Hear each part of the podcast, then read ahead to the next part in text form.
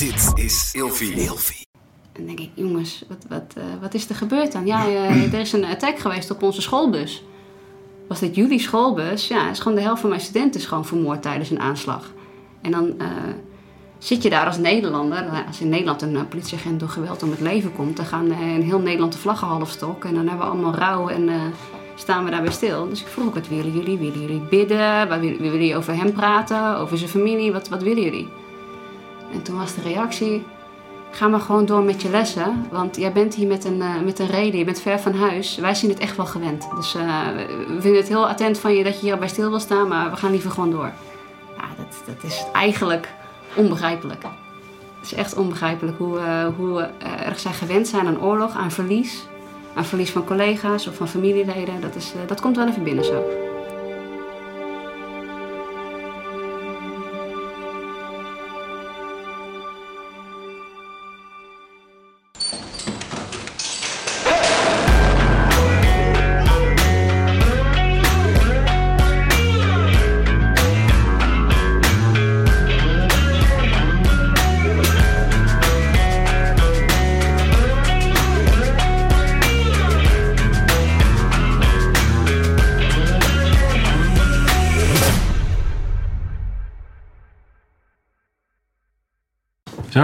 Welkom. Schrijfschutters, aflevering 500 uh, zie ik je nog een keer. ja, mooi. 500 chap chap. Nou, we hebben laatst, uh, kregen we, kregen, werden wij erop geattenteerd uh, attenteerd dat wij het uh, eenjarig bestaan hadden. Dus ja. we zijn inmiddels we zijn er zelfs, een jaar voorbij. We zijn er zelfs voor gefeliciteerd. Ja, dus ja. de tijd vliegt. Dat is zo'n moment dat je je eigen verjaardag vergeet. Ja. Dat je denkt, oh ja, wat leuk. Ja. Ja, jullie hebben scherpe volgers. ja, dat moet ook als je scherp Kwalitatief hele goede volgers. Ja. Goed zo. Tegenover ons zit een uh, politievrouw, maar dan uh, is ze niet herkenbaar. Als politievrouw, ja. Officieel ben je natuurlijk ook geen politievrouw meer, maar dat nee, gaan we zo klopt. meteen uh, eventjes bespreken. Welkom Daisy. Dankjewel. Super tof dat je er bent. Vind je het spannend? Ja, ik vind het heel spannend. Ja. Ja, ja, Oh jee. Ja. Nou, ik zou zeggen, uh, dat uh, snap ik ook, want we zijn heel eng. We gaan hele vervelende vragen stellen. Daarom zit ik hier ook, hè? Ja. Nou ja, ik heb altijd, uh, dat, dat zeg ik wel vaker, maar ik heb, ik heb er altijd bewondering voor, voor iedereen die tegenover ons gaat zitten en zijn nek durft uit te steken en, en je verhaal durft te vertellen. Dus ja. wat dat betreft, top, ja, vind ik het geweldig dat je, dat je er bent. En de reden uh, dat deze hier tegenover ons zit is omdat we wederom een, uh, een deel gaan uh, belichten wat we, wat we nog niet belicht hebben. Namelijk ten eerste het feit dat je als politie, vrouw of man, uitgezonden kan worden. het is niet iets wat je direct zou, zou, zou, zou, denken van dat je als politievrouw jezelf ineens schaakt in Kabul en daar ja. een, een, missie aan is. Dus daar, daar willen we alles, alles over weten.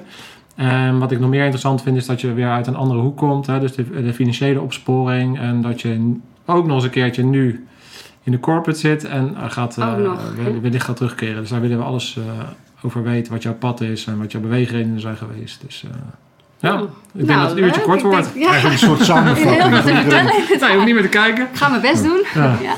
Nou. Oké, okay. nee, ja, uh, inderdaad. Ik uh, ben nu ondertussen een halfjaartje weg bij de politie. Ja. 15 jaar uh, gewerkt bij de politie in Amsterdam. En ik ben om 18 erbij gegaan. Dus ik heb eigenlijk ook nooit een andere werkgever gehad dan, dan de politie. Um, ik ben begonnen als, als hoofdagent in de opleiding. En toen ben ik redelijk snel bij de recherche terechtgekomen. Ik wilde altijd al rechercheur worden. Vond het, ja, ik vond het mooi. Ik vond het buitenwerk ook uh, heel erg mooi. Uh, de meldingen rijden en zo. Uh, alleen dat is, dat is vaak, ja, we noemen dat pleisters plakken. En ik wilde graag iets structureels doen. Dus nou, die kans heb ik gekregen. Uiteindelijk ben ik, denk ik, elf jaar regisseur geweest. bij, ja, noem het, regionale recherche. Dus echt wat, wat grotere, spannendere zaken. En heel veel geleerd en heel veel connecties opgedaan.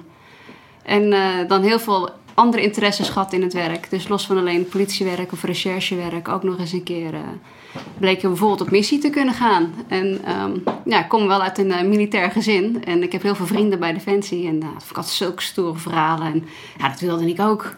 Ja. En ik wilde vroeger ook bij eh, de Defensie, maar ik had, eh, toen ik 18 was, een vriendje die zei: Als jij bij Defensie gaat, dan ga ik bij je weg. Nou, het ging bij de politie. Ja, dan luister je daar maar naar. Die, En denkt, toen, ging, je- toen ging jij bij hen weg. Nou, uiteindelijk is dat niet goed gekomen, nee. die, die denkt dat we maximaal aanscheren als, eh als ze bij de baas gaat. Nee, dat was, eh, was eh, ja, nee. Maar achteraf wel een hele goede keuze geweest. Want de politie is gewoon echt, eh, het vak is gewoon fantastisch mooi, past er eh, heel goed bij me. Qua ontwikkeling heel veel ruimte gehad en eh, hele mooie dingen kunnen doen. Ja. Ja. Ja, je, je vertelt al een beetje militair gezin, eh, want eh, wij zeggen altijd, wie ben jij eigenlijk? Ja. Ja, wie ben jij dan eigenlijk? Waar kom je een beetje vandaan? Wat voor, wat voor een situatie, gezinssituatie en zo kom je vandaan?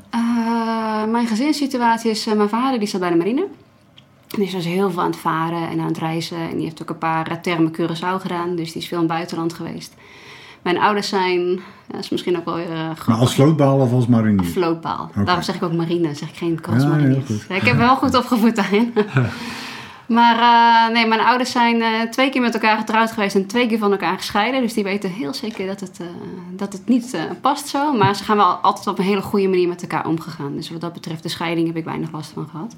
Maar ben je opgegroeid bij je vader of bij, mijn moeder? moeder. Of, Ja, bij mijn moeder. En nogal best wel vaak verhuisd. Ehm, en ik ben de oudste van vier. En mijn moeder kreeg me op een hele jonge leeftijd. Dus dan, dan ben je eigenlijk het eerste kind. En mijn moeder is natuurlijk ook veel alleen omdat mijn vader veel weg was. Dus dan, eh, ja, dan doe je het eigenlijk maar met je, met je gezinnetje thuis. Ja. Dus dan had je meteen veel verantwoordelijkheid thuis. Want jij moest, bent als oudste natuurlijk dan ook wel een beetje in de rol van eh, voor de dingen zorgen. Of, eh, Nou, ja en nee. Kijk, zo, ik- zo jong als dat ik toen was, niet per se. Misschien later wel. Dat, of dat ik mezelf misschien die rol toe-eigende of zo. Hmm. Dat is niet omdat het moest, want mijn moeder was gewoon thuis. Ja. Als ik op school eh, tussen de middag thuis kom, stond gewoon een boterhammetje en, eh, en eh, thee klaar. Dus dat was, dat was prima. Nou, mooi. Ja. Ja. en dus, maar die interesse, die militaire interesse, die zit met name aan je vaders kant. Dus Ja. daar- en daar is Ja. toch dat een beetje die drang voor het avontuur vandaan gekomen. Zeker. Ja, ik ben ook op mijn vijftiende verhuisd van mijn moeder naar mijn vader. En mijn vader woonde toen op Curaçao. Ja, dan kom je daar als eh 15-jarige guppy. En ik was heel erg blij dat bij mij op 15 jaar nog niet alles erop en eraan zat. Eh, kom je in een eh, defensiewereld zit terecht tussen de mariniers. Ja, dat is, eh, dat is allemaal stoer en leuk en gezellig eigenlijk. nou, ik heb een hele mooie tijd gehad daar. Ja, je zegt dat, ik ben blij. Ja, blij dat ja. er niet alles er waren bepaalde dames. Het is een cultuurtje daar. Dat je uitgaat en op stap gaat. En ja, je bent toch... je zit in dat marinewereld. Je legt daar makkelijke connecties mee. Ja, dan, dan kon je het misschien nog wel wat zwaarder hebben met de mannen eromheen. Ja. Ja. Ik was nog wel heel jong, hè? Het zou Dus, een aardige klus geweest zijn voor je vader ook. Wat jammer. ja, zeker. Ja. Met strakke, strakke shirtjes, niks. Nou, ik zou je Even zeggen... gekeurd worden voordat je uitging. Ik zal je zeggen, bij mijn moeder mocht ik eh, niet echt heel erg ja, bepalen wat ik aandeed. Ik was een beetje een skatertype, dus ik wilde die wijde broek aan. En ik kwam bij mijn vader en ik kon een rokjes kopen. Ik mocht een tatoeage, ik mocht een navelpiercing. Dus eh er ging een wereld van mopen daar, joh. Ja, dat die- is niet zo strak als het, dat men dacht. die leeftijd eh, wil je natuurlijk wel liever bij je vader zijn. eh, Ja, dan kan je dat gewoon wel. lekker losgaan. eh. Ja, dat kon wel, ja. ja. Maar dat deed je natuurlijk niet. Ach joh, ik was zo netjes. En dat legde de basis om naar de politie te gaan. Ja. Hè? Wat, Van avontuur, hè? Dit gaat het een om. heel ja. raar gesprek worden. Nee, een mooie tijd gehad. En die, eh, die jongens heb ik altijd nog contact mee gehouden. Een groot, een groot deel daarvan. Dus een beetje door mijn carrière ben ik een aantal ook nog wel tegengekomen. Bij de BSB, eh, in Afghanistan of nu bij het AT. Dus het is, wel, het is wel een heel hecht clubje geweest. En als je dan een beetje met elkaar opgroeit, ja, dan dat is gewoon mooi. Want dat hechte clubje praat je dan over allemaal mariniers? eh, Veel mariniers, ja. Ja, of, of ook mensen van de marine. Of, want in die, in die tijd was het allemaal nog maar mariniers. Nu zit er ook veel landmacht. eh. Toen was het, ja, toen was het echt eh, puur en alleen eh, marine en mariniers inderdaad. Kijk, je groeit natuurlijk een beetje op, op Curaçao in een beschermd wereldje. Daarom ken je er ook zo. Je, je sport op de kazerne. Mijn vader en ik hadden tennisles op de kazerne. Als jij je vermaak had, dan ging je met de dochters van andere... mijn vriendinnen waren ook dochters van marinemannen, zeg maar. ja, ja, We wonen hele gezinnen. Dus ja, dan ga je samen ga je op stap. Samen ga je... ehm, je had zo'n verblijf, oh, het MT, Militair Tehuis of zo heette Ja, ja. dat.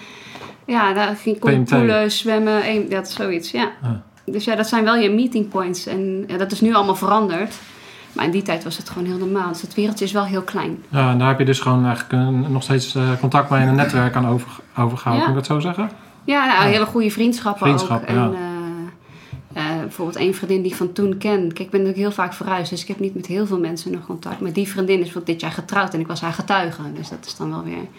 En ook op Curaçao dan hopelijk, eh, of niet? Nee, maar een andere is wel op Curaçao getrouwd drie Ja. jaar geleden. Dus ja, weet je, ik blijf wel terugkomen op het eiland. Ja, ja. Ja. ja. En jouw vader die woont er nog steeds? die is daar met eh FLO, zoals het heet, 50 jaar. De dienst uit. Lekker. Al die tropenjaren telt dubbel, hè, dus die kon heel snel weg. Ja. Ja. Nou, die komt nog uit het goede tijdperk wat dat Ja. betreft. eh.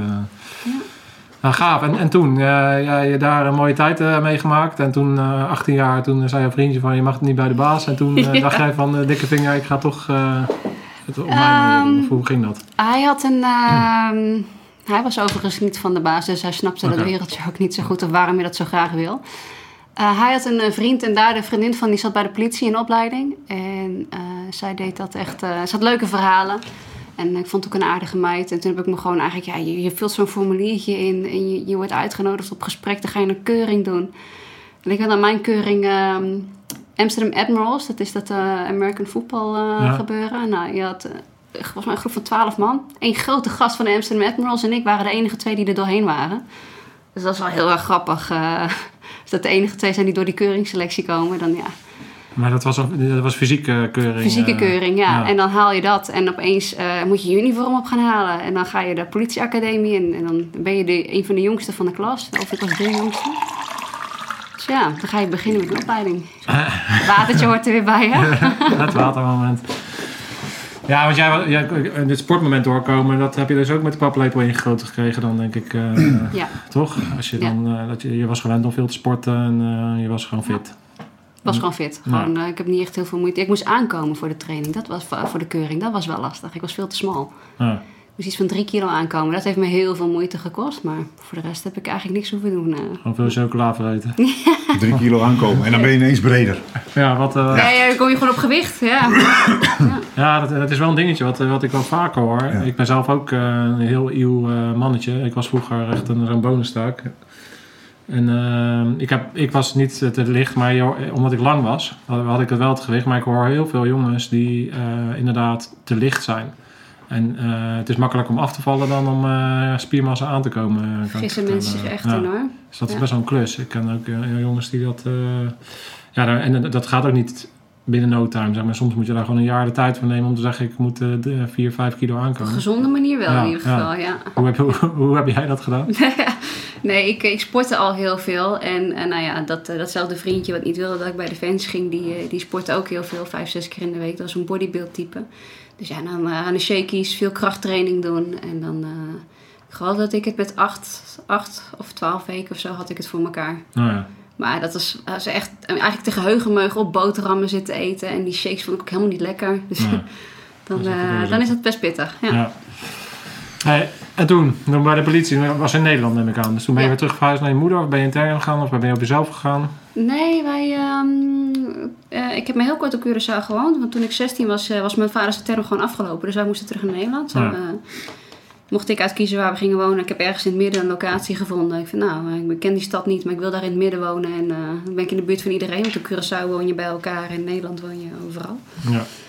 Eh, daar heb ik mijn HAVO nog afgemaakt. En eh, mijn vader is in de tussentijd gewoon blijven varen en zo. Dus die was nog steeds wel eh, weg. Ja, je moet je dus voorstellen hoe dat is als eh, 16, 17-jarige eh, eigenlijk op jezelf te wonen. Ja. Dat was ook wel een bijzondere tijd. Ehm, nee, en dan inderdaad op mijn 18e bij de politie gaan. En toen op dat moment vertrok mijn vader weer voor een term naar Curaçao. En ik ben op mezelf gaan wonen toen. Ja, Bij de politie in Amsterdam ben je, ben je Ja. gaan werken. politie in Amsterdam. En, eh, En daar, waar, eh, dan ben je klaar met je opleiding, waar kom je terecht? En wat doet het met je? Ah, wat het met me deed. Nou, ik heb in mijn opleiding, eh, ik was eh, echt de jongste van de klas. En in mijn groepje, ik ga met groepje stage lopen, was ik ook nog eens een keer de enige zonder politieervaring. En de rest kwam een beetje van eh ja, arrestantenzorg of andere arrestantenvervoerafdelingen af. Dus die waren al een beetje opgevoed in politieland. Maar ik ben nog niet echt op mijn mondje gevallen, dus ik... eh, had overal wel weer vragen over. Een beetje het IWAPje was ik wel van de, van de club. Dus daar heb ik in mijn opleiding wel een beetje tegen, ben ik daar tegenaan gelopen. Een IWAP is de, iemand die alles beter weet. Die. Ik weet in ieder alles geval beter. denkt alles beter te weten, ja. Ja. Maar ze gedraagt alsof hij alles beter weet. Dat is eigenlijk nooit helemaal weggegaan hoor. dat is ook een beetje de rode draad door mijn carrière. Ja. Nee, maar de opleiding was, eh, was bijzonder. Die heb ik ook versneld afgerond uiteindelijk. Want eh, ja, we hadden best wel wat tussenuren. En toen dacht ik, ja, ik kan, wat kan ik met die tijd doen? Ik kan eh, rust pakken of ik kan nog meer lessen gaan volgen. Dus eigenlijk was ik ook nog sneller klaar met de politieopleiding. Dus ben je helemaal jong als je instroomt.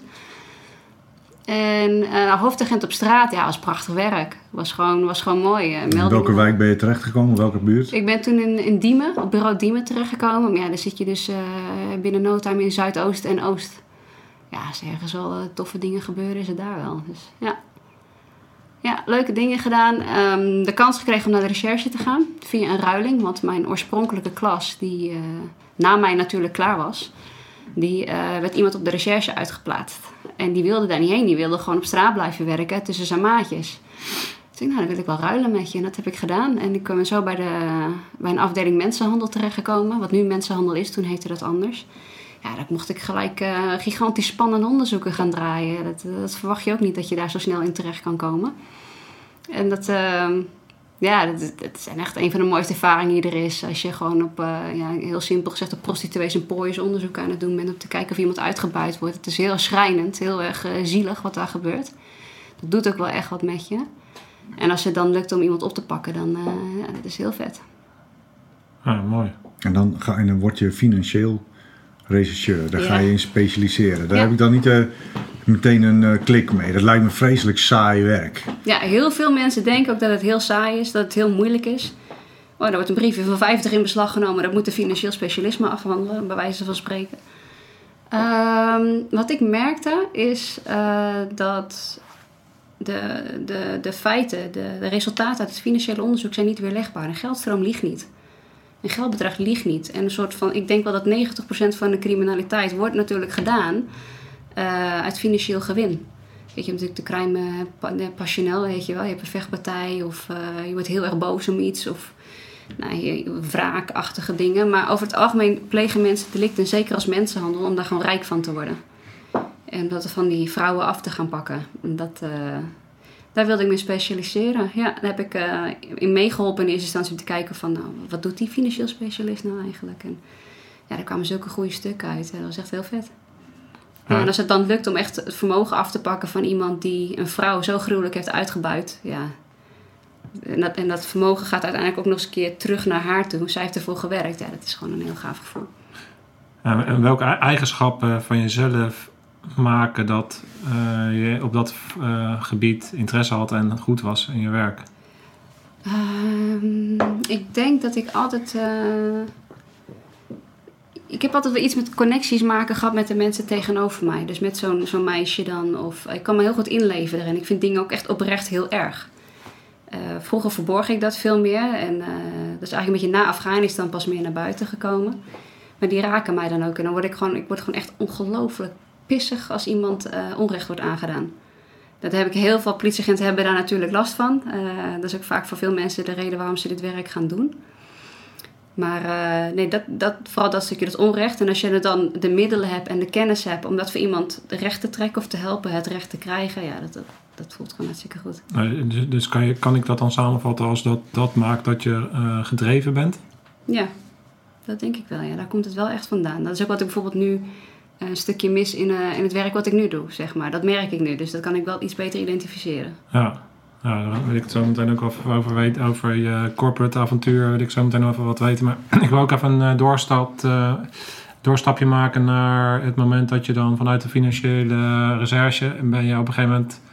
is er iets op je pad gekomen wa- waardoor je de kans kreeg om Ja. naar Afghanistan te gaan. Ja, Hoe is dat gegaan? Ehm, de politie Amsterdam vond het eh, destijds belangrijk om hun personeel ehm, wat, wat te laten zien wat er nog meer te koop is. Dus de korpsparadedagen waren dat toen. En er stond ook een stand met iemand van politiemissies. En ik had wel eens van de Cyprus-missies gehoord. En nou, wat doen die mensen dan precies? En ik raakte met die persoon in gesprek. En ik geloof dat ik toen 3 of 24 was. En eh, ja, die, die bood dat aan. En eh, dat kon je heen. Eh moet alleen natuurlijk toestemming hebben van je leidinggevende om daarheen te gaan. Nou, dat, eh, dus ik had me netjes aangemeld. Dat leek natuurlijk super gaaf. En dan kon ik ook tenminste eens een keer met die uh, defensiemaatjes van me meepraten. Dan ben ik er ook een keer geweest. heb ik het ook gezien. Ehm, alleen toen, uh, op, toen opteerde ik ervoor. Toen vonden ze me te jong. Toen mocht ik nog niet gaan. Dus ben ik natuurlijk ook een beetje geïrriteerd van ja, hallo, Defensie stuurt mensen van 18, 19 jaar erheen en- om te vechten en wij gaan niet vechten, dus waarom zou ik dan niet mogen gaan? Nou, achteraf gezien misschien wel beter dat ze nog even een paar jaar hebben laten wachten, want eh, uiteindelijk ben ik op mijn. Ik denk dat ik 27 of 28 was toen ik die kant op ging. Ja. Ja. Het is een heel lang traject geweest. Je moet solliciteren. Je moet ehm, een driedaagse doen met iets van vier psychologen om je heen. Eh, daar moet je goed uitkomen. Dan heb je een opwerktraject waar je u tegen zegt. En dan moet je ook nog eens een keer solliciteren op een plek in de missie zelf. Dat is niet zo van, oké, ik ben nu opgewerkt en nou, eh, waar een plekje vrij is, ga je. Nee, je moet dan in het Engels, naar, bij de head of mission, daar moet je, welke missie dat ook is, dan moet je ook nog eens een keer solliciteren en aangenomen worden. En dat is dan een buitenlander, want het is een eh, internationale samenwerking daar. Dat kan, dat- het kan een Nederlander zijn die head of mission is. Het kan, eh, in dit geval was het volgens mij een Zweedse meneer. Ja, dus we hebben ook bijvoorbeeld mensen gehad die zijn volledig opgewerkt. Alleen die zijn nooit op missie gegaan. Dat kan ook gewoon gebeuren. Ja. Dus ik heb wel geluk gehad. En, en, en waar zit het hem dan in? Waarom, waar, waar word je dan op afgewezen? Nou, niet zozeer afgewezen. Het is, je hebt een bepaald profiel. Kijk, mijn profiel was dat van de recherche. Dus ik zou wel trainer worden in, eh, eh, in recherche ehm, eh, technieken, zeg maar. Dus daar zou ik mensen in gaan opleiden. Maar het kan ook wel zijn dat jij IBT-docent bent. Of dat je gewoon een, ehm, van de meldkamer afkomt of zo. Er moet wel iets passen bij jouw profiel in die missie. Dus je kan er wel heen willen. Maar als ze op dat moment geen functies hebben die, eh, waar daar vraag naar is, naar jouw specialisme, dan, ja, dan kan het zo zijn dat je gewoon niet gaat. Ja, ja. Ja, dus, en op een gegeven moment, eh, jij bent opgeleid en toen eh, was er dus wel een plekje. En waar, waar was er een plekje en eh, hoe is dat gegaan? Ik kreeg tijdens. eh, ehm, eh, ik was op vakantie in Curaçao. En toen werd ik gebeld Hè? dat ik, eh, dat ik eh, mocht, eh, op gesprek mocht komen. Of eh, via Skype dan voor een plek in Kabul. En eh, ja, ik dacht, wordt het Kunduz, wordt het Kabul? Want toen was de Kunduz-missie ook gaande nog. En eh, dus daar zat ik, ik ben, ik ben naar, naar een plein café Wilhelmina is dat, ik ben daar gegaan, een wifi gezocht. Gaan skypen, ja, iedereen even een net blouseje aangetrokken, dat het er goed uitzag. En, eh, ik heb, Korte rokje aan. dat zagen ze niet. En eh, het gesprek gevoerd en dan, ja, dan word je aangenomen. Ja, dan was ik ook was op vakantie, maar dan was het ook gelijk, ja, je bent aangenomen, maar eh, je komt terug, je gaat een opwerktraject in, wat je trouwens niet af kan maken, want je moet gelijk de missie in. Dus dan ging het opeens heel snel. Daar waar ik eerst jarenlang heb moeten solliciteren en wachten. En opeens ging het heel rap. En dan, eh, ja, dan moet, je, moet je naar Defensie toe met zo'n zo'n karretje door die loods heen. Oké, een helm. En eh, oké, dat is een opsvest. En eh, ja, zo'n zo'n drinkflesje. Dan- dus ik dacht, waar ga ik heen joh? Wat, Waar word ik op voorbereid? Oké, moet ik dan in zo'n tent gaan slapen straks? Of in een... in Kunduz weet ik dat ze van die containers hadden. Ga ik daar dan heen? En Waar, waar kom ik in godsnaam terecht? Ja. Nou, dat werd me later wel meer en meer uitgelegd ehm, dat ik niet in zo'n tent of niet in zo'n container terecht kwam. Ja, en dan ga je het opwerktraject in en dan, leer je, dan word je een beetje groen eh, gemaakt. Dus dan moet je ook op de kazerne slapen, in eh, Apeldoorn was dat. Ja. En dan ga je leren met zo'n eh, groot wapen schieten. En eh, wij hadden toen bij de politie een Walter. Walter ne- 99. 99 hadden wij. En dan moet je best met een klok leren schieten bijvoorbeeld. Ja, dan moet je er heel snelle tijd mee omgeschot gaan worden. Dus ja, en een heel ander uniform dragen. En, eh, ja, en, en, en zeg, eh, zelfhulp, kameradenhulp waren ook wel eh, leuke trainingen. Zet- ZHKH, ja. Ja. ja. En we gaan wel voordat we, voordat we zeg maar, naar- Afghanistan gaan. Hè? Want het, op zich is denk ik dat, er, dat dit zeg maar, een, een, een niet heel erg bekend onderdeel is van de politie in Nederland. Hoe zit, hoe, hoe zit dit precies? Waarom ehm, eh, stuurt de, de politie in Nederland, of de, de Nederlandse overheid in het algemeen bijzonder, mensen naar het buitenland, politiemensen naar het buitenland? Wat zit daarachter? Kun je er iets meer over vertellen? Eh, wat daarachter zit, zijn gewoon in principe de mandaten. En dat zijn eh, de mandaten die Defensie dan ook heeft. En de politie dra- draagt er ook een steentje aan bij. En eh, het is niet zo dat politie Nederland zendt jou uit. Je, hebt, je wordt uitgezonden in mijn geval voor EUPOL. Dat is een Europese organisatie die, eh, die heel veel missies heeft. Maar ook voor VN-missies. En daar worden ook politiemensen op uitgezonden. Dus in principe eh, heeft elk land een beetje de verplichting om zoveel mensen te leveren. Nou heb je van Defensie uit, maar ook vanuit politie. Net zoals dat een leidinggevende kan geen nee blijven zeggen van ik wil naar de missies toe. Want elke eenheid is gewoon verplicht om een x aantal mensen te leveren die voor die missies beschikbaar gesteld worden.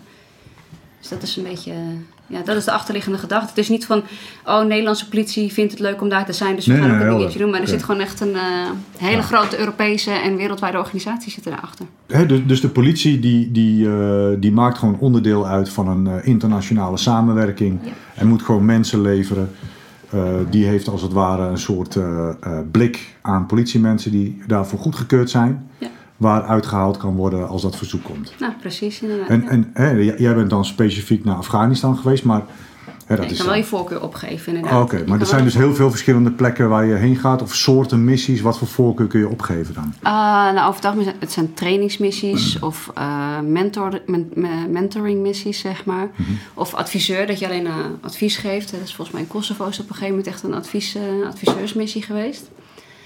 Ehm, en ik geloof in de tijd dat ik naar Afghanistan ging, Eupol... De, de Nederlandse politie in ieder geval zat in 13 verschillende landen. Dus ehm, ja, Afghanistan, Zuid-Soedan, eh, Kosovo hadden we nog wel eens Eulex bijvoorbeeld, Eulex-missie. Dus ja, nee, in de tijd dat. Dus daarom is het, is heel onbekend natuurlijk. Maar dat je gewoon dat Nederland op dat moment in 13 eh, Nederlandse politie. En dat, op dat moment in 13 verschillende landen operationeel was. Dat is dat best wel eh, in verschillende vormen. En ja, dat is toch wel bijzonder. En dat je daar dan ook nog eens een keer aan deel van uitmaakt. Terwijl eigenlijk niemand dat weet. Dat is wel heel cool. Oh, Ja. Dat niemand dat weet, was het, zijn het dan, is het dan Nou, geheim dat- of wordt het gewoon niet zo gepromoot of zo? Of hoe, eh, Ik denk niet dat het per se geheim is. Ehm, kijk, in die zin, want de sites van Eupol en Eulex zijn gewoon openbare websites. Daar kun je gewoon op kijken. Je kan gewoon kijken in welke landen zij actief zijn en wat voor missies zij hebben draaien. Dus dat is, eh, dat is op zich niet. En, en er zijn ook wel politiemensen geïnterviewd eh, in kranten en dat soort dingen. Die zijn ook naar buiten gekomen met hun missies. Dus het is niet zo dat het heel erg geheim is. Het is gewoon. We zijn ook niet echt bepaald een groepje mensen dat heel snel naar buiten treedt. Ik natuurlijk vanuit mijn rechercheachtergrond al niet. Eh, en je probeert het meestal wat, eh, wat, ja, wat kleiner te houden of zo. Ik weet niet of dat heel bewust is eigenlijk. Ik denk dat het type mens is ook. ja, ja, ja dat, denk ik ook wel. Ik, kan je ons meenemen naar eh, het moment dat je op, op pad moet? Dat je voor het eerst daarheen gaat? Ja hoor. Eh, ja, dat, Ja, eh, dat kan- kom dat kan ze. nee, Dat dat was heel bijzonder. Ehm, want je zou inderdaad denken, je vliegt via... Sommige missies vlieg je inderdaad ook militair in. Met zo'n zo'n militair vliegtuig of zo. Waar ook al je spullen bij zitten. Nee, ik moest gewoon, eh, gewoon Turkish Airlines hoor. En dan in Dubai overstappen. En gewoon commer- commercial flight eh, Kabul uitstappen. En dan met je, je koffertje in je rugtas eh, loop je dat vliegveld loop je uit. En ja, dan, ben je echt om je heen aan het kijken. Want je zit in een land waar je nooit geweest bent. Een cultuur die je niet kent. Een religie die je niet kent. Het is hartstikke oorlog daar. En je ziet alleen maar tanks staan. En allemaal, allemaal Afghaanse militairen. En daarachter een parkeerplaatsje. Waar ik eh, wat uniformpjes herkende van mijn collega's. Eh, ik moest ook niet in uniform reizen. Liefst ook helemaal geen uniformdelen bij me hebben. Want ja, dat vonden ze aan het vluchthaven misschien ook niet zo heel tof. En dan, eh, dan word je opgepikt en naar je kamp gebracht. Ja, dat, eh, dat was mijn eerste kennismaking met, eh, met Afghanistan. Ja. Op het vliegveld, ja. Dat zijn wel goede tips. Ik kan me nog herinneren dat ik een keer naar Oman moest. Toen moest ik daar opstappen met anti-piraterij. Dat was allemaal kort, kort, kort. Toen zei ze van... mijn eh, mijn leidinggevende die zei van... nou, we hebben we al vaker gedaan. Je kan gewoon je, je, je uitrusting meenemen. En, en, en de wapens die zijn al aan boord. Dus ik dacht dan van, what the fuck, weet je wel. Nou ja, lang verhaal kort. Dus ik, is ik die tas daar op die band. En ik zie die vent kijken zo... Ja, gesmoed en allemaal lui erbij. En, eh, nou ja, één grote paniek, zeg maar. eh, omdat ik daar met uh, kogel weer in de vest eh, door de... Dus dat is geen, eh, dat is geen tip.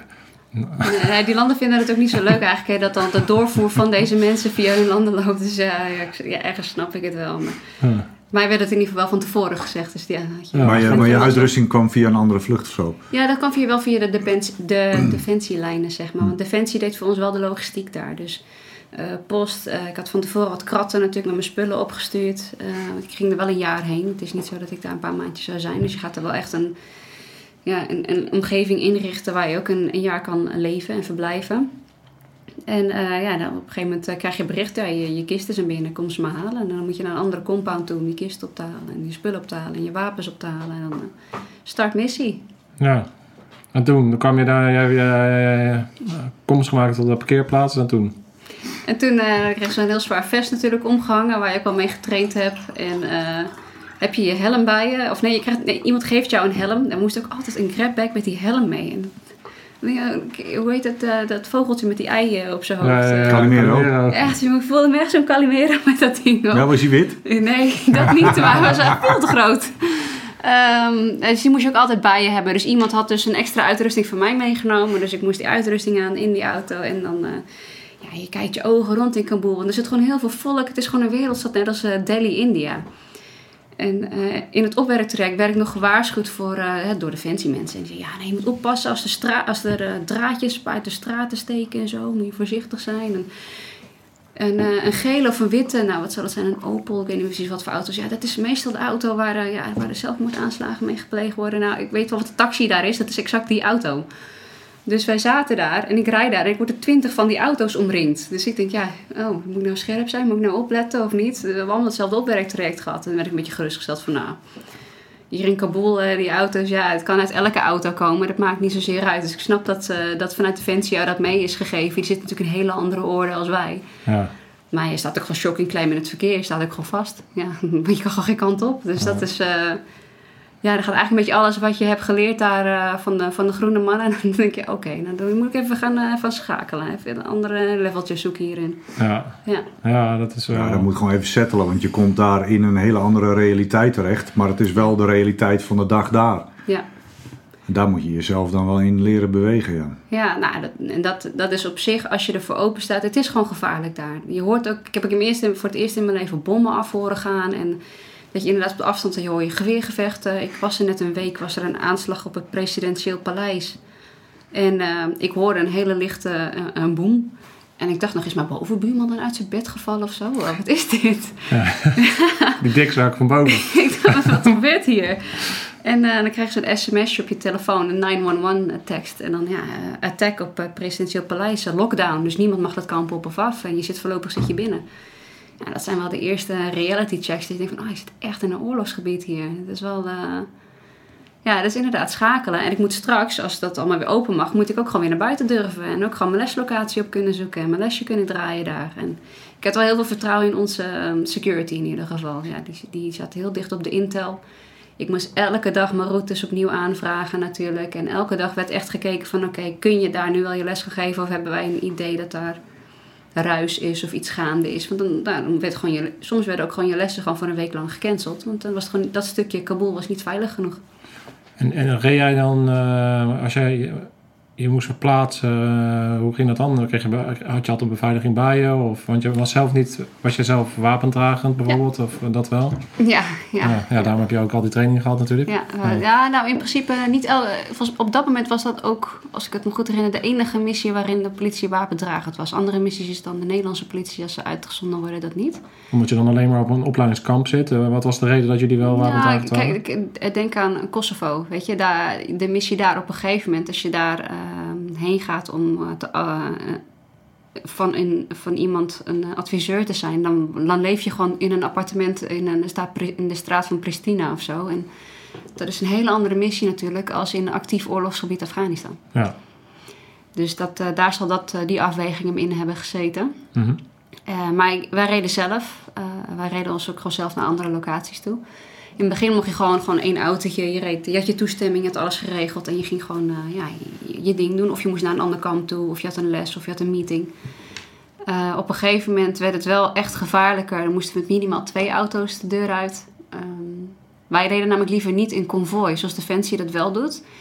Eh, op een gegeven moment, in het begin van mijn missie was echt het standpunt van een konvooi is gewoon alleen maar een grote doelwit. Ja. Ehm, dus je kan het beter moeilijker maken door niet met z'n allen bij elkaar te gaan rijden. En eh, nou, dat zijn van die dingen die leer je dan. eh, de, de communicatie. Je moet, als je kamp uitrijdt, moet je iets zeggen. Als je ergens aan bent gekomen, moet je iets zeggen. Als je weer weggaat, moet je iets zeggen. Dus continu laat je weten aan je security waar jij bent. Eh, en wat, wat waren jullie drills op het moment dat je wel een probleem zou komen buiten de poort? Dan moet je naar het dichtstbijzijnde kamp rijden. Dan laat je je pas zien dat je van Eupel bent. Dan laten ze je ook binnen op dat kamp. En dan moet je daar gaan afwachten wat de verdere komst gaan worden. Waar, waar moet je heen? Ik heb dat wel één keer meegemaakt inderdaad. Dat ik op een ander kamp vast zat. Maar, maar onderweg, hoe, was jij verplaatste jij je eh, alleen? Nee, je zat met z'n tweeën in één. Minimaal twee mensen in een auto. Twee Eh, mensen niet in een auto. eentje. Je was gewoon met je collega. En waarschijnlijk had je misschien een tolk mee. Of Wat was hier de... Als Had ik je dat zo nog zie... rules of engagement meegekregen? Ja, dat bedoel ik. Van, wat is hier de grootste eh, We hebben dreiging? geen rules of engagement natuurlijk. In die zin, wij, eh achter. Onze instructie, als er iets gebeurt, de meeste dingen die gebeuren waren eerlijk gezegd daar verkeersongevallen. Dus als wij in een situatie zouden komen waar wij iemand zouden aanrijden of iemand ons aanrijdt, dan moest je ook alleen maar een ding tegen het raam aan plakken en wegrijden. Wij mochten niet, eh, als er bijvoorbeeld een attack zou zijn, ja, je moet gewoon zelf zo snel mogelijk wegrijden. Je weet waar alle kampen zitten, daar ga je heen. En je laat we- we- we- weten dat je veilig bent, maar je mag nooit de auto uit. ehm, dat soort Ja. dingen gebeuren niet. Maar was er geen eh, ontvoeringsgevaar? Dat lijkt me dan het grootste risico. Ja, dat wordt, dat wordt uitgelegd zo inderdaad. Maar eh, hoe, zoals ik het beste kan omschrijven... Dus het, is, het is een wereldstad net als Delhi. Hè? En als ik in zo'n gepantserde G-Wagon rij... en die is gewoon op slot... en wij, zijn, wij zitten daar zelf ook gewoon zwaar bewapend in, in die zin... Ehm, ja, ik, ik heb er nog niet over gehoord dat een poging is gedaan... om, om eh, ooit iemand van Eupel in de 13 jaar dat ze er toen al zaten... eh, te ontvoeren. Nee. Oké. Nee, oké, maar dit is dan nooit gebeurd, maar het kan wel gebeuren. Het is realistisch. Het, het is, het, ja, ik weet, Maar wat- ik weet wat- niet of het heel realistisch is in dat gebiedje daar. Zo Nee, Oké. dus blijkbaar niet, want anders was het al gebeurd. Dus, dus, niet, dus, dus dan wordt het niet meer een hoogste risico. Het is natuurlijk wel het hoogste ge- gevaar. Dus als je Ja. alle scenario's bij elkaar zou zetten, is dat wel een soort van je ambush eh, scenario, zeg maar. Maar het is niet het meest li most Maar je moet je likely. eens voorstellen, die it's the wegen most waar we dangerous reden waren zo, ook zo druk. Dat is gewoon, eh, je kon ook geen, ja in die zin in je auto, weet je, je rijdt gewoon een rotonde op. Nou, ik heb nog nooit zo hard gelachen als een rotonde in Afghanistan. Dus weer zoiets lekker westers wat daar neer is ge- ge- ge- gegooid. Ja. Maar een Afghaan die neemt die rotonde van twee kanten tegelijk. Dus je hebt ook gewoon eh, op de rotonde tegemoetkomend verkeer. En dan heb je van die ezeltjes met karretjes en een motorrijder met drie mensen erop. Tussendoor is iemand aan het bedelen met zijn kind omhoog. Ja, het is, het is, het is te bizar voor woorden hoe de, hoe de Mhm. verkeerssituatie daar is, zeg maar. De, de nummer één eh, ehm, eh, cause of death daar is ook gewoon verkeersongevallen in Kabul. Dat zijn Ja. in, is in principe niet de oorlog. Nee, maar dat begrijp ik wel. Maar wat ik dan niet begrijp is dat je, hey, je bent redelijk zwaar bewapend. Ja, Hey, een C8, een Glock, eh, dus in feite... in case of, ja, ja, je moet in jezelf ook case kunnen of, maar dan, dan, dan, dan moet je toch een bepaalde manier daar richtlijnen in meekrijgen. Je bent, je bent getraind in je wapengebruik en je weet gewoon eigenlijk, eigenlijk de richtlijn is wegwezen. Als er iets is, wegwezen, gassen, doorrijden naar het volgende kamp toe, achter die hekken en dan, eh, dan mag je alles weer afdoen, zeg maar. Dat is eigenlijk eh, het verhaal, wat, zoals ik hem heb onthouden. Ja. Oh, bijzonder. Een heel, ander, heel andere insteek natuurlijk dan Defensie. Kijk, Defensie gaat natuurlijk echt heen actief om, Ja. Eh, of om te vechten of om iets te verdedigen. En eh, die zijn er ook veel beter in getraind natuurlijk dan dat wij zijn. Ja. Kijk, ja, naarmate de situatie gevaarlijker werd, kwam wel. om- eh, je had sowieso op de trainingslocaties ook altijd je eigen security staan. Dus het waren contractors, oud-militairen, die waren ingehuurd om ons veilig te houden, zeg maar. Dus als ik een trainingslocatie had wat niet op een van onze kampen was, gewoon een crime management college van Afghanistan zelf. Nou, dan was daar een, een hele afdeling van onze eigen security. Die had het ding al helemaal uitgekampt. Die was er ook aanwezig. Die keek elk le- leslokaal constant in. Die hield onze auto's in de gaten, dat er niks op geplakt werd of zo. Dus dat soort dingen werd allemaal rekening mee gehouden. Ja, dus op het moment dat je les kon geven, toen uh, waande je in ieder geval uh, veilig. Ja en nee. Je moet altijd natuurlijk heel erg scherp zijn. Want als ik les ging geven, was het natuurlijk aan een groep Afghanen. Uh, die in eerste instantie zou je die normaal, normaliter zien als het zijn je collega's. Uh, alleen uh, Afghanistan, uh, als ik een groepje had dat vanuit een provincie kwam, werd ik de eerste drie dagen met een sjaal eromheen werd ik een beetje schichtig aangekeken. En daarna wel echt dikke lol met die mensen gemaakt. Ik heb echt hele leuke, leuke lessen kunnen geven daar. En heel veel humor ook gewoon in de lessen. Alleen je moet gewoon scherp zijn. Deze mensen hebben misschien ook hele andere belangen dan dat, dat jij hebt. Dus je moet altijd wel. Ik, daarin voor het leslokaal stond ik niet met mijn wapen zo les te geven, natuurlijk. Dat, nee, ja, dan zou ik ook achter mijn sjaaltje gaan zitten. Weet je, dat, dat deed je niet. Uh, maar ja, wat, waar zit die middenmotor in? Je moet contact kunnen leggen met die mensen, maar je moet ook voor je veiligheid kunnen zorgen. Ja. En je, moet, je security moet ook precies weten wat er gaande is, zeg maar. Dus dat zijn, dat zijn ja, hoe noem je dat, belangen die, die ga je afwegen. Maar je bent altijd wel scherp. Je moet ja. het ontspannen van, ah, ja, jongens, koffie, we gaan het vandaag over hebben. Dat, uh, nee. Nee. Ja, ik heb natuurlijk zelf allemaal tegen gedaan. Dus ik, ik heb ook wel uh, met, die Af, met het Afghaanse leger, dus ANA. Jij kreeg dan met, met name ANP, denk ik. Uh, ja. En ANP was in mijn tijd, uh, 2008 dan praat ik over, dus dat is vijf jaar daarvoor. Was ANP wel de grootste risico op, nou ja, dat daar lui tussen zaten die van de andere kant waren, laat ik het zo zeggen. Mm -hmm. hoe heb, je, heb jij daar erv ervaring mee dat, dat, dat, dat er bleek dat er toch mensen van de Taliban ge ge geïnfiltreerd waren binnen de ANP? Um, je moet je voorstellen, de lesblokken die ik gaf, de langste training duurde zeven weken. Eh, als ik er al zeven weken achter elkaar was, dan gaf ik hem helemaal. Eh, maar je had gewoon lesblokken van vijf weken of drie weken. Dus zo lang zag ik deze mensen ook niet. Ehm, en ik zag ze puur op het moment dat ik op mijn leslocatie aankwam. En zij komen naar binnen of ze zitten al in het lokaal en we draaien ons lesje af. Zij gaan weg, wij gaan weg. Ja. Ehm, dus of ik die signalen heb gehad. We hebben één keer een, eh, een, een incident gehad. En dan ben ik heel blij met mijn security mannen geweest ook. Dan, je maakt de crime scenes. Je gaat ze lesgeven. Je gaat van die poppen en nepbloed overal neerleggen. En dan ga je ze leren hoe ze in een crime scene moeten lopen. En op plaatselijk moeten betreden, foto's moeten maken en zo.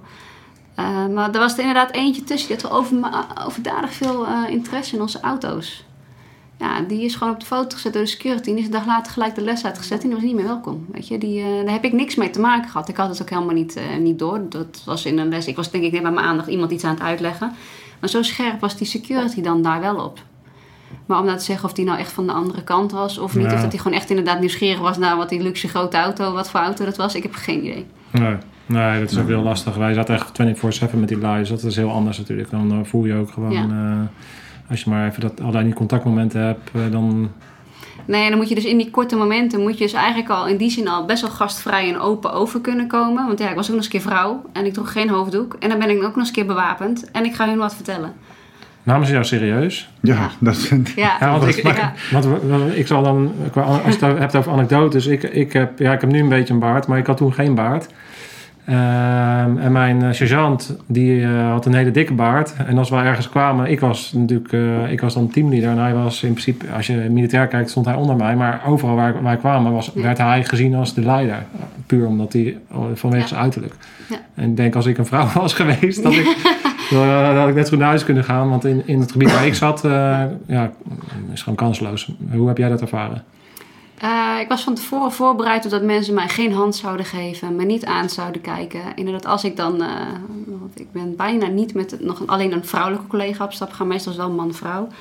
Dus ik was er ook al voorbereid dat een man meer aangesproken zou worden, maar uiteindelijk, eh, ja, je stelt jezelf voor. Ik had een presentatie over Nederland dan meegenomen en een beetje over mezelf. Ik had een van een touwbaanfoto had ik dan in, in mijn presentatie. Nou, dit doe ik in mijn vrije tijd en... eh, ik kom hier echt eh, voor, eh, voor het avontuur en ook gewoon echt hoop dat ik jullie wat kan, kan meebrengen. Hè? En, dus ik ben net hoe je daar staat, denk ik. Want ik heb eigenlijk elke klas tot nu toe grote grappen, grollen en mensen die me gewoon de hand schudden, briefjes achterlaten. My teacher is the best teacher, Daisy. Ja, dat, dat kan natuurlijk twee kanten op gaan. Ja, ja. Ik denk dat het ook wel helpt als je gewoon hoe je les geeft. Kijk, we hadden daar lesplannen, die de recherchetechnieken zoals de Britten het doen. Ja, dat is heel leuk in Afghanistan. Maar als ik ze dan eh, volgens die strakke methode les ga geven, daar hebben ze helemaal niks aan. Want hun, hun meest voorkomende PD is een bom-PD of een verkeersdelict of huiselijk geweld. ja. Dus ja, ik ging bijvoorbeeld aan hun vragen, waar hebben jullie behoefte aan? Ik kan niet wel gaan stellen, hoe moeten jullie het doen? Maar ja. Laten wij het eens even omdraaien. Wat, wat willen jullie eigenlijk van meneer? Ik kom van heel ver en ik kan wat vertellen. Wat, wat wil je? Nou ja, Ja, dat dat gaf wel een heel andere... Dat is de approach die Boris ook... eh Ja, moest ik ook Boris Vos... eh, Nou, dat is een eh, marinier die naar Kenia gegaan is en daar nu rangers opleidt. Ja. En, en, en, en zo is met die insteek is hij daar ook eh, begonnen. Niet zo van, eh, zo moet je het doen, maar van, van goh, waar, eh, waar kan ik jullie mee helpen? Ja. Dat is... het Dat is wel anders. Het is, eh, dat geeft een heel andere dynamiek. Ehm, mijn eerste les was, eh, moest ik geven met een Roemeense collega. En hij ging mij wel even laten zien hoe hij dan les moest geven aan Afghanen. En het ging over verwoordtechnieken. En die man die begon echt... The most important thing is to get a confession. Nou, als iets niet belangrijk is... Nou, daar weten ze in Afghanistan wel raad mee. Dan zit je daar no. dus. nou, dat, was, dat leverde ook hilarische ehm, Voor je het weet knijpen ze je vingers eraf. hè? Precies. Dus ik krijg op een gegeven moment in die les, kreeg ik, toen ging ik ervoor staan zijn, jongens, ik wil hem ietsjes nuanceren. Waarheidsvinding, daar gaat het om. Wat is er nou precies gebeurd? En kan iemand die het misschien niet heeft gedaan, jou leiden in een richting van iemand die het wel heeft gedaan? Nou, dan krijg je de mooiste verhalen. Maar, mogen we dan ook niet een beetje elektriciteit gebruiken? nee. nee, dat mag niet.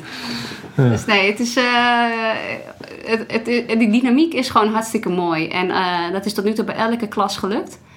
Ehm, en je, ja, je merkt ook wel heel erg cultuurverschil. Eh, ik heb één keer lesgegeven aan een klas en die gingen we weg. En wij reden ook weg. En opeens hoor je ergens een grote boom. En dan krijg je weer een sms'je naar dichtstbijzijnde kamp. Want er is een attack gaande nu op dit moment. Nou, wij, ik heb het niet gezien en het was een paar kilometer verderop. Eh, drie dagen binnen gezeten. En ik kom weer terug in mijn... eh, dag vier kom ik weer terug in mijn leslokaal. En ik had maar de helft van mijn studenten. En dan denk ik, jongens, wat, wat, eh, wat is er gebeurd dan? Ja, er is een attack geweest op onze schoolbus. Was dit jullie schoolbus? Ja, is gewoon de helft van mijn studenten is gewoon vermoord tijdens een aanslag. En dan zit je daar als Nederlander. Nou, Als in Nederland een eh, politieagent door geweld om het leven komt, dan gaan eh, in heel Nederland de vlaggen half stok. En dan hebben we allemaal rouw en eh, staan we daarbij stil. Dus ik vroeg ook, wat willen jullie? Willen jullie bidden? Wat willen, willen jullie over hem praten? Over zijn familie? Wat, wat willen jullie? En toen was de reactie, ga maar gewoon door met je lessen. Want jij bent hier met een, met een reden, je bent ver van huis. Wij zijn het echt wel gewend. Dus we vinden het heel attent van je dat je hier bij stil wil staan, maar we gaan liever gewoon door. Ja, dat, dat is eigenlijk onbegrijpelijk. Het is echt onbegrijpelijk hoe, eh, hoe eh, erg zij gewend zijn aan oorlog, aan verlies. Aan verlies van collega's of van familieleden. Dat, is, eh, dat komt wel even binnen zo. Ja, ze zitten natuurlijk eigenlijk al vanaf eind jaren 70 is het een en al oorlog geweest daar. Ik heb tegenover mensen gezeten die een hele leven lang inderdaad alleen maar oorlog kennen. Ja. Die hebben geen school mogen volgen, die hebben geen opleiding mogen volgen, die kennen alleen maar oorlog.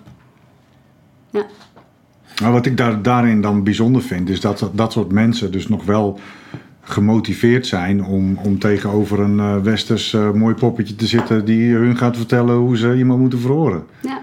Vind ik wel heel bijzonder. Dat, eh, Dat, dat vond ik op dat moment ook dat ik dacht van wauw, ik word echt wel gewaardeerd hier. En ze zijn echt wel blij dat ik hier ben. En als je met de Afghanen zelf het gesprek gaat, je, je bouwt wel echt een band op met je tolken bijvoorbeeld.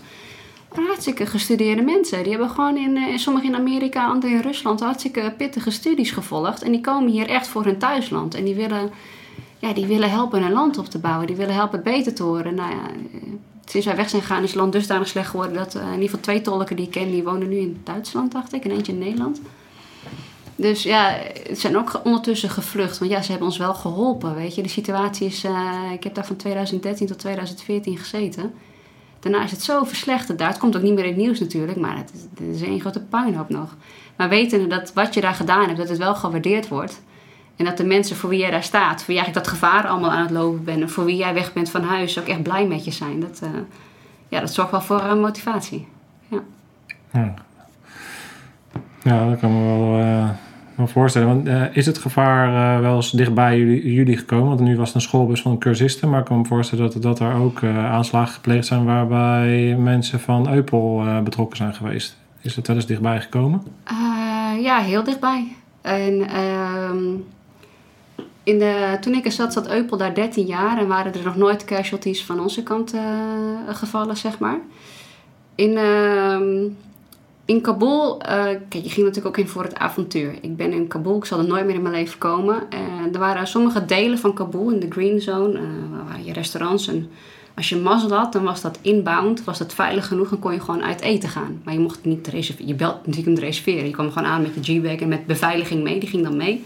En dan kon je gewoon uit eten in Kabul. Dat is, eh, ik eh, weet dat het voor defensiemannen een heel gek gedacht is. Waarom zou je die move gaan maken? Ehm, als je met security zei dat het relatief veilig was. En ze gaan, dan gaan, ze gaan natuurlijk zelf mee. Je gaat niet in je eentje. Je gaat ook niet eh, op je hoge hakjes met je dikke make-upje op daar zitten of zo. Maar het is gewoon het avontuur. Ik ben in Kabul in een restaurant uit eten gegaan. Hoe vet is dat? Alleen, ehm, ik zou zelf op een vrijdagavond eh, naar het restaurant gaan. En ik had een zaterdagavond ook ehm, eh, het idee om daarheen te gaan. En die vrijdagavond had ik dan afgezegd. Omdat een, eh, een vriendinnetje van mij die bij Defensie werkt... zij ging die week daarna terug naar Nederland. Dus haar missie zat erop. Dus ik wilde eigenlijk eerst liever afscheid nemen van haar... dan dat ik uit eten ging. En die avond is in dat restaurant een aanslag gepleegd. En er waren wat Eupel-mensen bij. En die, eh, de- iedereen die binnen was, is gewoon, eh, is gewoon vermoord. En dus ook twee mensen van Eupel. En dat waren in de 13 jaar die allereerste casualties aan eh, de Eupel-zijde. Dus zo dichtbij is het wel gekomen. Oh, ja. Ja. Wat deed het met je? Ehm, veel. Ehm, heel veel emoties die je te binnen... Oké, heb ik nou een engeltje op mijn schouder? Ehm, je gaat ook nadenken van... Shit, maar waarom deed ik dit nou? Waarom, waarom wilde ik nou uit eten in Kabul? Het is toch gevaarlijk hier, weet je wel? Daar waar ik eerst toch dacht van... Nou, ik vertrouw mijn security en eh, dat soort dingen. Ik heb ook best wat over me heen gekregen van collega's daarna... die net zo hard met mij meegingen uit eten. Die daarna zeiden van... Ja, belachelijk eigenlijk dat je het organiseert. Ehm, ja, je schrikt daar heel erg van. Ja, een beetje survivals. eh, eh, hoe noemen we dat ook weer? Survivals. eh, eh, guild survival. Ja, dat je, dat je dus, Ja, dus je dat- schuldig voelt dat jij het hebt overleefd. Maar ik kan, kan even Ja, niet dat, waar, dat, dat heb ik dan misschien niet zozeer Survivor, gehad. Ik dacht wel van ja, ik- als ik daar was geweest, was ik echt, eh, ja, dan was het ook gewoon gedaan met me. Weet je, niet, niet omdat eh, iemand anders mijn plek had ingenomen, dat zij het daarom is. Als het dat het geval was geweest, is het misschien een ander verhaal geweest. Hmm. Maar Ja. dat waren twee totaal los van elkaar staande events. Als ik haar daar had gezien, eh, of hem, want het zijn eh, een man en een vrouw, Simon en Mette. Eh, dan ehm, was het een heel ander verhaal geweest natuurlijk. Maar dan, ik wist natuurlijk niet wie daar wel heen ging die avond of zo, dat weten wij niet. Nee. Dus dat heb ik niet gehad. Maar ik heb wel zoiets gehad van, oh ja, ja, nee. eh, ik zat er toen ook al meer dan een half jaar. Dus dan merk je ook wel dat je misschien wat losser wordt. Ik heb wel maar aardig eh, mezelf meteen goed teruggegrepen. Ja. Ja, ja, ja dat is, dat is, dat is natuurlijk een dingetje wat er kan gebeuren. Is dat je gewoon langzaam wen je aan alles. Ja. En als jij, eh, hetzelfde als die mensen, je cursisten die al zo lang in oorlog zitten en eigenlijk bijna niet meer... eh, Precies, ja. Reageren. een beetje afgestomd Ja, of zo, ja. ja. En, dan- en dan Ja. kunnen er natuurlijk gevaarlijke situaties staan. Als je, zeker als je niet... Je gaat dan wat dat betreft natuurlijk de grens opzoeken. En dan was dit zo'n eh, reality check eh, momentje voor je. Ja, en voor de, voor de hele missie waarschijnlijk ook wel. Ja, voor de, sowieso voor de hele missie. Ook het, eh, het hele eh, traject daarna, weet je. De, de, de rouwfase. Maar alles moet doorgaan. Je kan niet heel lang daarbij stil gaan staan. Maar er zijn gewoon een aantal mensen zijn er echt... Die hebben zich zo onveilig gevoeld. Die hebben gezegd, ik ga naar huis. Ik, eh, ik, ik wil hier niet blijven. Ik ga naar huis. En dan weet ik niet of dat per se Nederlanders tussen zaten. Maar er zijn bepaalde contingenten geweest. Bepaalde landen. Mensen die van, ik... eh, Nee, ik heb kinderen thuis, ik ga naar huis. Het, eh, hè, er waren nooit slachtoffers gevallen en eh, het komt nu wel heel dichtbij. Oké. Maar die Ja. ging ook naar huis. Ja, ja, het is niet zo. eh, kijk, als jij je gewoon echt heel onveilig voelt, kun je je werk ook niet meer doen daar. Als je zegt van ja, ik ga niet, naar- ik ga niet naar mijn trainingslocatie, want durf kan niet af.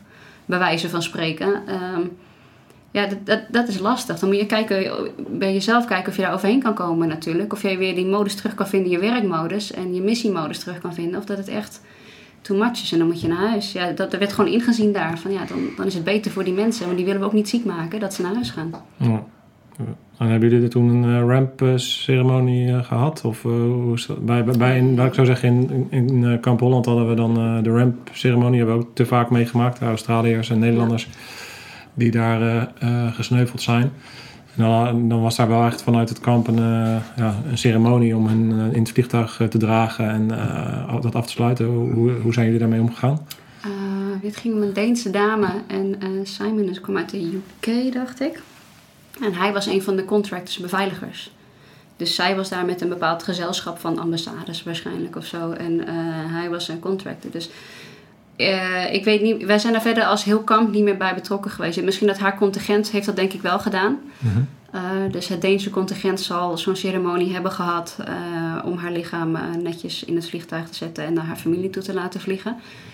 Maar dat hebben wij hebben gewoon een eh, memorials, we hadden twee kampen, één waar we woonden, één waar ons eh, HQ was. En daar zijn twee plekken ingericht voor memorials waar mensen gewoon nog wat eh, ja, over na konden denken, eh, naartoe terug konden komen. Het werd ook best wel vaak, en eigenlijk niet vaak, het werd na een maand werd het nog een keertje een soort van herdenking eh, gehouden.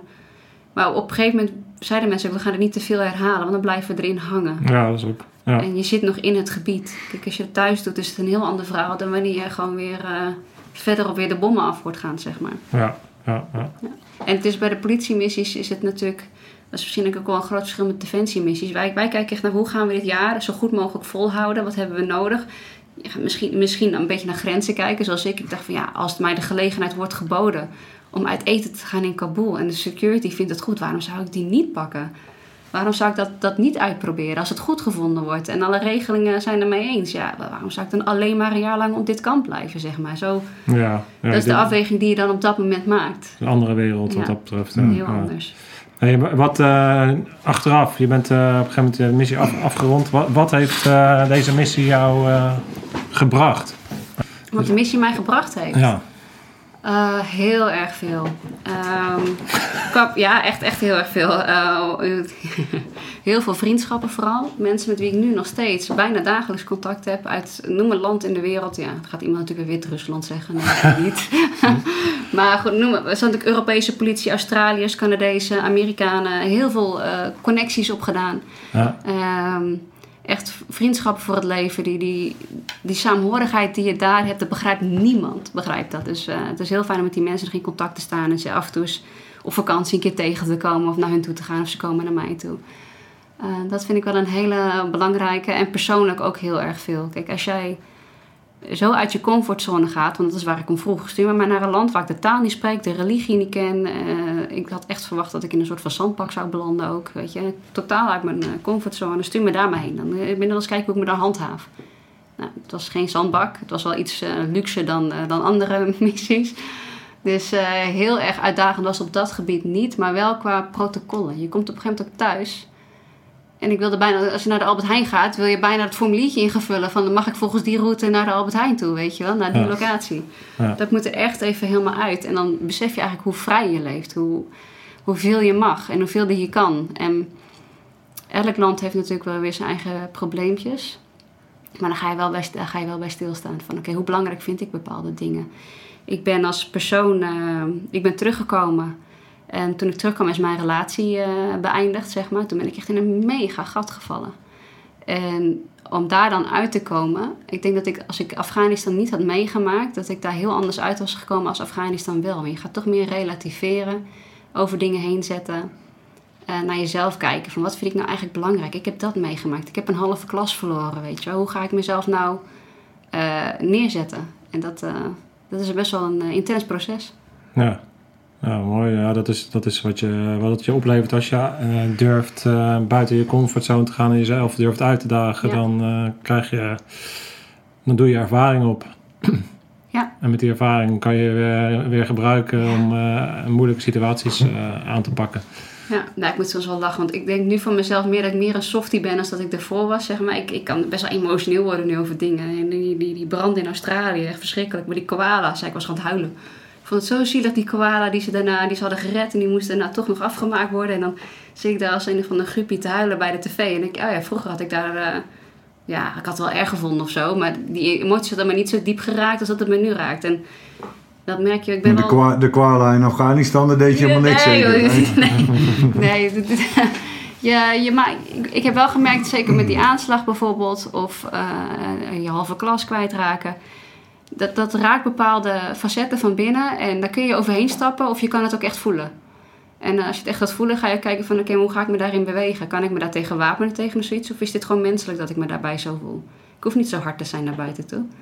Dat is helemaal niet nodig. Ik kan gewoon veel menselijker zijn. Het heeft me mijn werk bij de politie ook wel meer geholpen. Dat je gewoon met bepaalde collega's wat, eh, wat betere, diepgaandere connecties kan maken ook en zo. En dat, is, uh, dat heeft de missie mij wel gebracht, ja. Ja, dus je bent jezelf in feite beter gaan kennen, leren kennen. Ja, ja dat, uh, dat is wel een goeie. Ja. En toen uh, dacht je van, ik ga bij de Rabobank werken. ja, uh, dat moois gedaan, dan ga ik weg. Ja. nee, ik ben toen teruggekomen en dan heb je een tijd van rust. En um, je merkt dat het ook in het politieland zelf helemaal niet bekend is, zo, wat, wat, wat missies zijn. Want je moet aan collega's constant uitleggen dat je niet een jaar op vakantie hebt op een vakantiepark hebt gewoond, zeg maar. Kijk, ik, ben, ik heb tussentijd wel veel verlof gehad en ik heb mooie vakantiebestemmingen aangedaan. Dat zien ze natuurlijk al op social media. Dat ze zien ze alleen op maar vakantie. media, eh. ja, want ik zet er niks van mijn missie op social media. En, uh, maar wel mijn vakanties natuurlijk. Dus dan moet je dat wel weer uitleggen. En um, dan merk je ook wel weer het verschil tussen de politiemensen die een defensieachtergrond hebben of niet. En die, uh, die snappen dingen, die, die pakken het even wat sneller op, dat samenhorigheid. Of als je dan zo'n aanslag mee hebt gemaakt, zeg maar. Of, als je iemand kwijt bent geraakt, dat, is, uh, dat, ja, dat merk je dan wel. Ja, constant uit moeten leggen. Um, ik heb over die aanslag bijvoorbeeld een blog geschreven. En die heb ik mezelf naar mijn leidinggevende toegestuurd. Van, oh, trouwens, als ik terugkom, dit is wel iets wat ik mee heb gemaakt. Dus uh, wellicht wil je dat ook wel even weten van je personeel. Weet je? Dat is, mensen die op missie gaan worden bijna niet meer gevolgd door hun collega's. Ook niet, dat leeft niet. Dat is zo onbekend. Ja. Dus toen ik terugkwam, moest ik daar echt wel weer aan wennen. En uh, ik kwam terug op dezelfde afdeling als waar ik vandaan kwam, dat is mensenhandel. Ja, een super warm team gelukkig, hele lieve mensen. En uh, weer een paar gave zaken mogen draaien. En toen uh, heb ik een stapje gemaakt naar een andere afdeling van de, van de regionale recherche, wat, wat ook georganiseerde criminaliteit onderzoeken draait hier en daar. En dat was gewoon hartstikke mooi werk. Maar ik merkte op een gegeven moment dat mijn ambities pasten niet meer bij het team. En dat begon echt te botsen. Ik, uh, ik heb dan toevallig ook nog twee studies gedaan naast mijn werk. in mijn eigen tijd. Dus ik was altijd bezig met mezelf ontwikkelen, verder gaan en beter gaan. En eh, kwaliteit van het werk verbeteren, van het recherchewerk verbeteren. En als je er op een gegeven moment te vaak je neus eh, bij stoot, tegen diezelfde muur oploopt, die ergens heel begrijpelijk is gelet op het personeelstekort, eh, de veelvoud aan zaken, de heftige zaken. Geen tijd hebben om iets gewoon rustig af te kunnen maken, want de volgende staat alweer voor de deur. Ehm, dat eh, ging mij steeds meer tegen de borst stuiten. Dus eh, ik ben natuurlijk alleen, ik dacht ook bij mezelf, ik ken alleen maar de politie, het politievak. Ehm, ik ben natuurlijk in een bepaald specialisme eh, ingedoken. En toen werd ik op een gegeven moment via een recruitmentbureau werd ik benaderd. Of, eh, of ik niet de corporate eh, kant niet interessant is. Want ik had ondertussen ook een LinkedIn aangemaakt. Dus ik was al een beetje om me heen aan het kijken. Ja. En ja, dit, mijn vertrek bij de politie is toch wel eh, heel veel over nagedacht. Van oké, ik moet toch echt weer iets buiten mijn comfortzone gaan doen. Iets anders gaan doen. Iets wat misschien beter bij mijn, eh, bij mijn ambitie eh, wensen past. En eh, niveau past. Dus ik heb het geprobeerd. Ik, ben, ik heb het aangenomen en ik, ben, ik heb afscheid genomen van de politie na 15 jaar. ja. Ja, En bevalt eh, het is ehm, heel anders natuurlijk. Eh, dat zeg ik. Nee, bevalt niet. Bevalt Mag ik niet, nee. terug? Ja.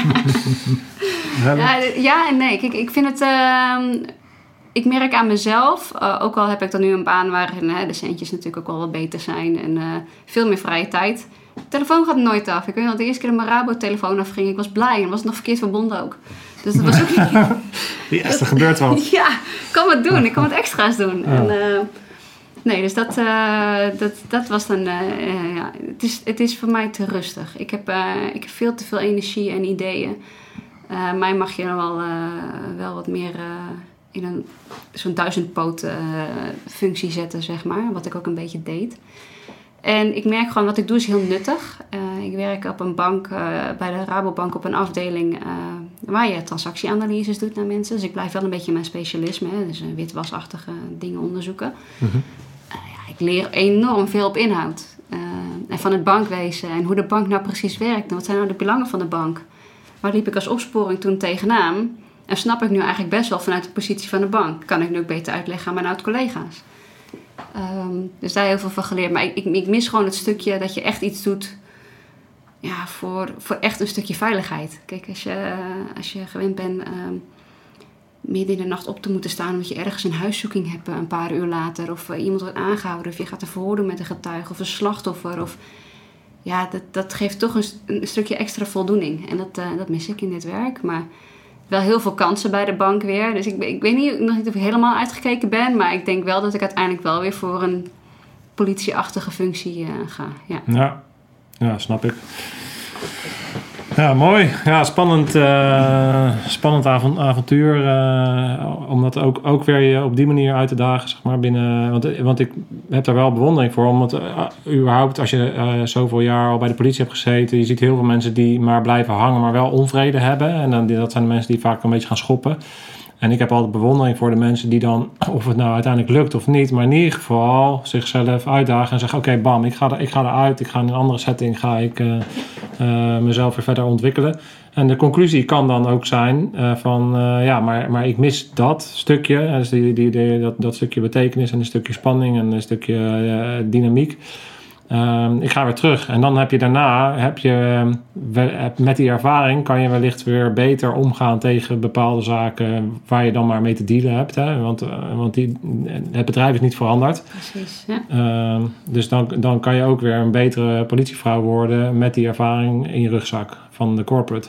Ja, je kan het eh, veel beter een, ja, een plekje geven. Hoe heet zoiets? Je kan het gewoon veel beter plaatsen. Kijk, ik, ik snap de or- politieorganisatie prima. Eh, en eh, ik, ik snapte gewoon alleen niet alle afwegingen die leidinggevende namen. En ik, ja, dat kan toch veel efficiënter, dat kan toch veel anders en zo. En dat, dat leer je nu wel plaatsen inderdaad. Als je nu echt even buiten de deur gaat kijken, want ja, als ik ergens achter ben gekomen, is het bankwezen is ook behoorlijk bureaucratisch. Dat is, eh, het is niet zo dat daar dingen nu heel snel geregeld zijn of zo. Dat, Nee, nee. nee. nee dus dat, eh, dat neem je dan mee. Ja. Zeker. Bureaucratische kutzooi.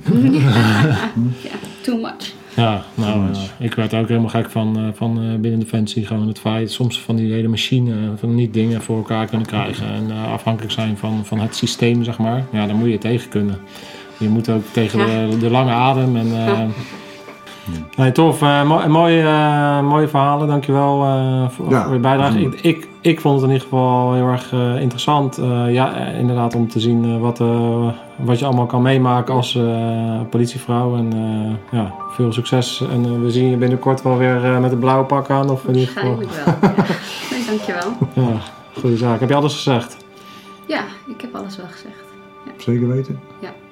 Mooi. Scherpschutters. Uit. Uit. Thank you.